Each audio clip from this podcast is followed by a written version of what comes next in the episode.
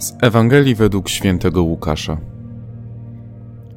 Jezus opowiedział przypowieść, ponieważ był blisko Jeruzalem, a oni myśleli, że Królestwo Boże zaraz się zjawi. Mówił więc: Pewien człowiek szlachetnego rodu udał się do dalekiego kraju, aby uzyskać dla siebie godność królewską i wrócić.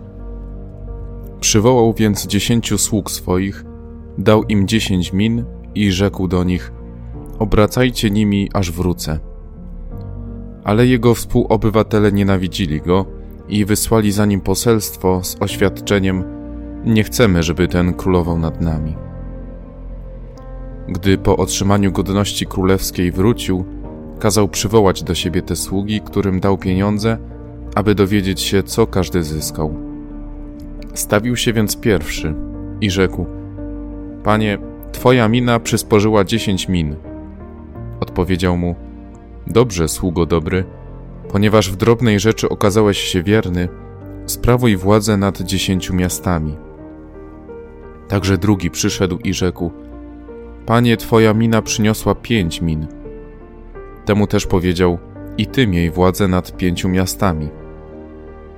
Następny przyszedł i rzekł: Panie, oto twoja mina, którą trzymałem zawiniętą w chustce. Lękałem się bowiem ciebie, bo jesteś człowiekiem surowym. Bierzesz czego nie położyłeś i żniesz czego nie posiałeś. Odpowiedział mu: Według słów twoich sądzę cię, zły sługo. Wiedziałeś, że jestem człowiekiem surowym. Biorę gdzie nie położyłem i żnę gdzie nie posiałem. Czemu więc nie dałeś moich pieniędzy do banku? A ja po powrocie byłbym je z zyskiem odebrał. Do obecnych zaś rzekł: Zabierzcie mu minę i dajcie temu, który ma dziesięć min. Odpowiedzieli mu: Panie, ma już dziesięć min. Powiadam wam, każdemu, kto ma, będzie dodane, a temu, kto nie ma, zabiorą nawet to, co ma. Tych zaś przeciwników moich, którzy nie chcieli, żebym panował nad nimi, przyprowadźcie tu i pościnajcie w moich oczach.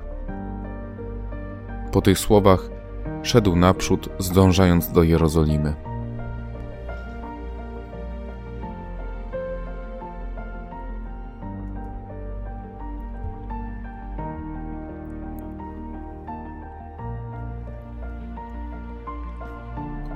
Kolejny raz w przeciągu trzech dni słyszymy bliźniaczą perykopę Ewangelii.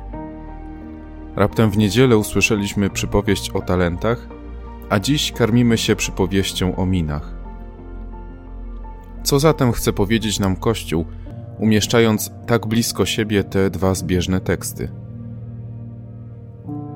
Porzućmy trochę rozważania na temat zarządzania minami i zwróćmy uwagę na słowa, które z całości tej przypowieści mogą nam nieco umknąć. Ale jego współobywatele nienawidzili go i wysłali za nim poselstwo z oświadczeniem: Nie chcemy, aby ten królował nad nami.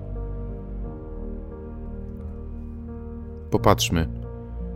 W całej tej przypowieści z zarządzającym minami utożsamia się Chrystus.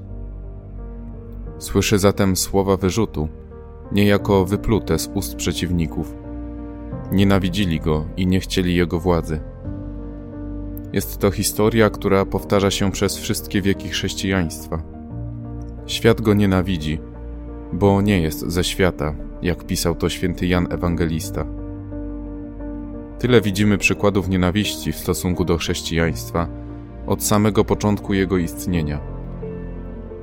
Prześladowania, które nieprzerwanie trwają od dwudziestu wieków, ataki słowne, oskarżenia, pomówienia, kłamstwa. Co powinniśmy z tym zrobić? Ucieszyć się. Dlaczego się ucieszyć? Bo to znaczy, że chrześcijaństwo dalej jest chrześcijaństwem, że ciągle jest znakiem sprzeciwu, że nie zgubiliśmy naszego charakteru na drogach kolejnych wieków i kolejnych zmian. Jak długo świat będzie walczył z chrześcijaństwem, tak długo możemy być pewni naszego zwycięstwa, bowiem krew męczenników jest posiewem chrześcijan, jak pisał Tertulian.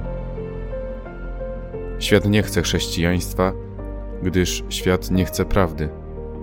Prawda jest niewygodna, domaga się zmian w naszym życiu. Świat nie chce chrześcijaństwa, gdyż jest solą ziemi. Sól jest charakterem, wymaganiem stawianym samemu sobie. Aby być osobowością, aby być człowiekiem w pełni, w każdym wymiarze. Tymczasem łatwiej jest trwać w próżności i braku odpowiedzialności za samego siebie.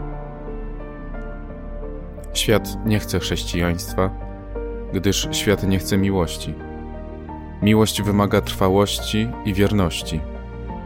A o ile łatwiej jest żonglować swoimi upodobaniami i pragnieniami wedle tego, co akurat chce światowa moda. A ty? Czy wybrałeś już życie w prawdzie, pełne charakteru i smaku, oparte na miłości i odpowiedzialności? Czy może ciągle w sercu powtarzasz: Nie chcę, żeby ten królował nade mną?